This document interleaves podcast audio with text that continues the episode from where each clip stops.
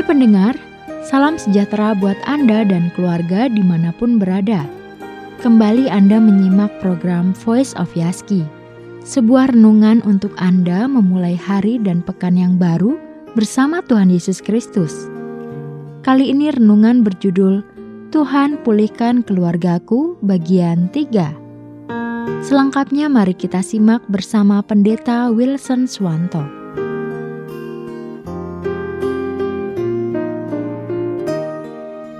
Kolose 3 ayat 14 mengatakan, Dan di atas semuanya itu, kenakanlah kasih sebagai pengikat yang mempersatukan dan menyempurnakan. Kita sudah belajar dua hal yang bisa memulihkan, mempertahankan sebuah keluarga, keutuhan sebuah keluarga. Yang pertama adalah kesabaran. Mengingat setiap kita ada kelemahan dan tidak ada seorang pun yang luput dari kesalahan, maka kesabaran adalah sebuah karakter yang harus dimiliki oleh setiap anggota keluarga.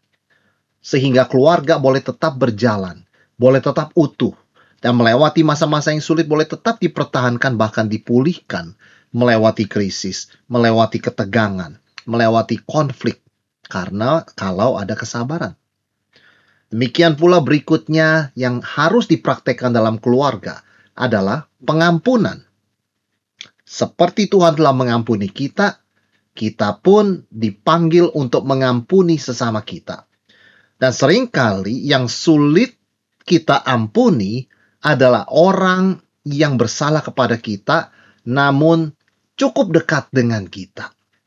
Itu sebabnya tidak jarang kita mendengar ada anggota keluarga, saudara, mungkin bahkan orang tua dan anak, suami bahkan dan istri yang betul-betul tidak bisa berdamai karena sulit mengampuni orang yang dekat yang melukai.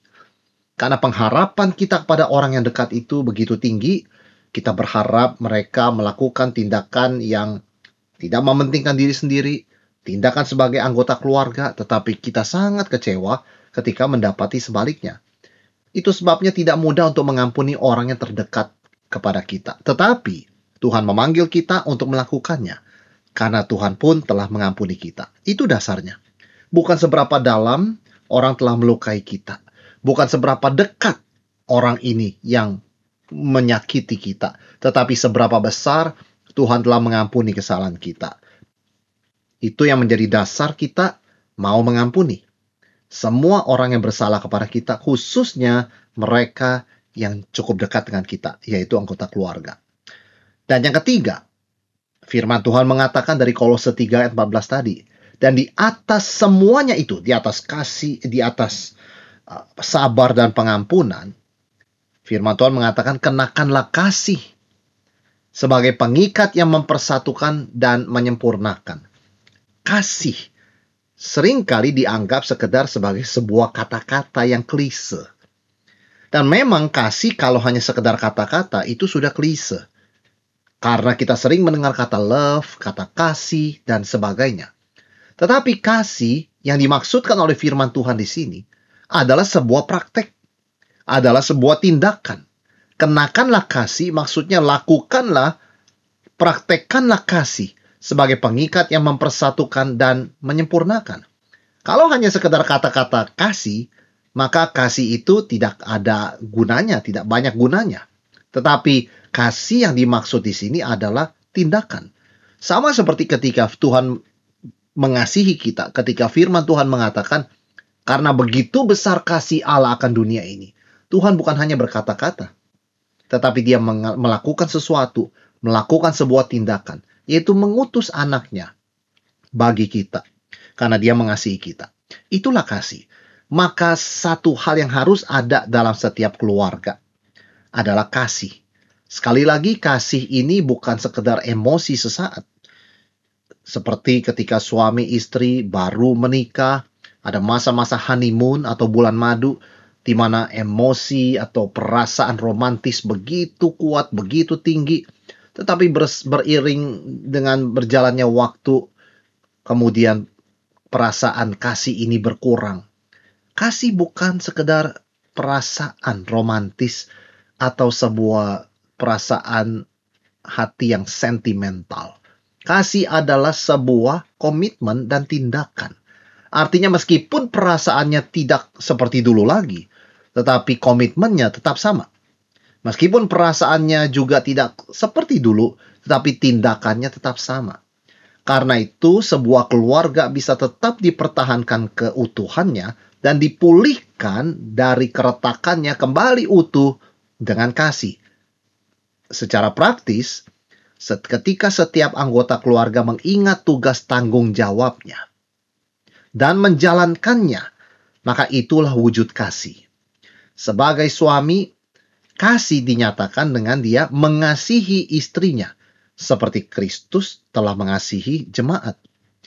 Sebagai istri, menunjukkan kasih kepada suaminya dengan tunduk kepada suaminya, sama seperti gereja tunduk kepada Kristus. Tentu tunduk di sini bukan berarti menjadi yes man, mengatakan ya kepada semua permintaan dan nasihat suami, tetapi menghormati kepemimpinan suami, memberikannya masukan dan koreksi sebagai seorang penolong yang sepadan namun tetap menghormati suami sebagai penanggung jawab dan pengambil keputusan final dalam sebuah persoalan keluarga. Itu maksudnya, ketika setiap anggota keluarga menjalankan peranannya, itulah wujud kasih. Suami mengasihi istri, dia bekerja, dia membanting tulang, dia mengorbankan diri dan waktunya, bahkan di rumah dia membantu istrinya dalam pekerjaan rumah tangga. Itu kasih. Bukan sekedar kata-kata I love you tetapi satu tindakan menjalankan tugas dan peranannya seperti yang Tuhan kehendaki. Demikian pula anak terhadap orang tua. Ya, saya sayang papa dan mama. Tetapi kasih bukan sekedar berkata saya sayang papa dan mama, tetapi kasih ditunjukkan dengan perbuatan, dengan tindakan.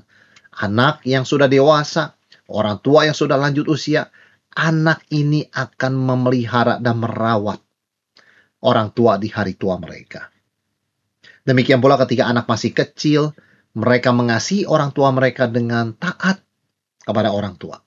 Ketika mereka sudah dewasa, mencari uang sendiri, mereka menghormati orang tua mereka. Mereka mengasihi orang tua mereka dengan menunjukkan sikap hormat dan memperhatikan juga kebutuhan mereka. Demikian pula ketika orang tua dikatakan mengasihi anak. Dia bukan sekedar berkata, saya mengasihi anak saya tapi dia menyediakan nafkah untuk anaknya, dia melindungi anaknya, dia juga membimbing anaknya. Ketika anaknya berjalan di jalan yang salah, diboleh dikoreksi kembali ke jalan yang benar. Dan seperti firman Tuhan katakan, seorang bapak seorang ibu tidak akan membangkitkan amarah anaknya. Melainkan membesarkannya, melatihnya di dalam cinta kasih. Jadi kasih itu adalah sebuah pengikat yang mempersatukan dan menyempurnakan. Artinya, tidak pernah ada kata berhenti dalam kasih. Tidak pernah kita bisa berkata, "Saya sudah cukup mengasihi," melainkan kasih itu terus-menerus menuntun kita dalam proses disempurnakan seumur hidup kita. Maka firman Tuhan mengatakan, "Kenakanlah kasih." Yang bukan sekedar perkataan "aku mengasihi", tetapi perbuatan. Setiap keluarga bisa mengalami banyak masalah, khususnya melewati pandemi kemarin. Dan salah satu masalah yang sering kali terjadi dalam keluarga adalah ketika salah satu atau lebih dari satu anggota keluarga melupakan peranannya. Bayangkan kalau suami tidak menjalankan peranannya sebagai pemimpin yang mengasihi seperti Kristus. Bayangkan kalau istri tidak menjalankan peranannya seperti gereja yang hormat dan tunduk pada Kristus. Bayangkan kalau peranan ini terbalik. Sulit kasih itu hadir di keluarga. Demikian pula ketika anak tidak taat, tidak hormat kepada orang tua, maka ini bukanlah wujud kasih. Dan keluarga ini akan berada dalam situasi yang tidak baik. Demikian pula ketika orang tua terus-menerus membangkitkan amarah anak, rumah tangga tersebut tidak akan merasakan damai sejahtera dari Tuhan. Jadi ketika kita mau menghadirkan kasih, mau mewujudkan kasih dalam rumah tangga, sangat simpel. Ingat peranan kita, baik suami maupun istri, baik orang tua maupun anak. Memang kita tidak sempurna, tetapi ketika kita ingat peranan dan panggilan Tuhan bagi kita, ketika kita ingat tugas kita di rumah tangga, maka kita boleh belajar mewujudkan kasih dari hal yang paling kecil. Suami istri mungkin bisa berbeda pandangan, tapi ingat peranan masing-masing, saling menolong, saling membangun, bukan saling menyakiti, apalagi saling berkompetisi, saling bersaing, apalagi melakukannya di depan anak-anak. Ini akan menimbulkan kebingungan di dalam pikiran anak-anak. Apakah pernikahan itu seperti ini?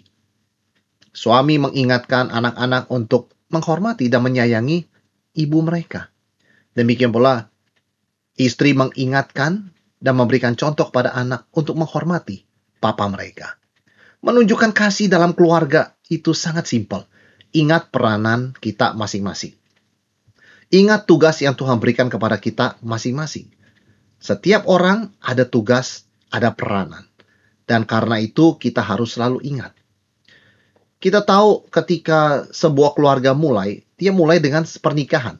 Dari sepasang pemuda-pemudi yang menikah. Dari pemberkatan sampai resepsi. Dan di dalam prosesi pernikahan tersebut, kita melihat ada begitu banyak orang yang menjalankan tugasnya dengan baik. Ada koordinator pernikahan, wedding coordinator, ada MC, ada orang yang menerima tamu, ada orang yang menyimpan hadiah yang diberikan tamu, ada orang yang mengurus mobil pengantin, ada orang yang mengurus fotografi, ada orang yang mengurus makanan, hidangan bagi para tamu, ada bahkan ada orang yang mengurus pemberkatan di gereja dan sebagainya. Sebuah proses atau upacara perayaan pernikahan bisa berlangsung dengan sukses, dengan baik, dan dengan indah. Ketika ada kerjasama yang sangat indah di antara saudara-saudara seiman dalam mendukung pasangannya menikah ini. Itu juga mengingatkan kita untuk sebuah keluarga bisa berjalan terus dengan baik dan indah. Menjadi saksi Tuhan, setiap anggota perlu ingat peranan masing-masing. Semua ada tugasnya. Demikian di dalam gereja, demikian dalam keluarga. Dan kalau anak-anak bertumbuh di dalam lingkungan keluarga dengan peranan yang jelas, papa sebagai pemimpin, mama sebagai penolong, maka anak-anak pun tahu bagaimana mereka nanti harus menjadi suami atau istri atau orang tua kelak. Mereka tidak akan bingung siapa diri mereka, identitas mereka. Mereka tidak akan bingung peranan mereka. Mereka tidak akan bingung juga untuk apa orang menikah. Dan mereka tidak akan bingung untuk apa orang punya anak. Karena mereka bisa melihat papa mama mereka menjalankan tugas dengan baik, dengan setia, dengan tekun, dan tentunya di balik semua itu adalah kasih mereka satu kepada yang lain dan kasih mereka kepada anak-anak. Kita hidup di zaman yang penuh dengan krisis, krisis identitas. Orang sudah tidak lagi bisa mendefinisikan apa itu pria, apa itu wanita, apa itu orang tua, apa itu anak? Apa itu suami? Apa itu istri? Ada banyak kebingungan di dalam dunia ini.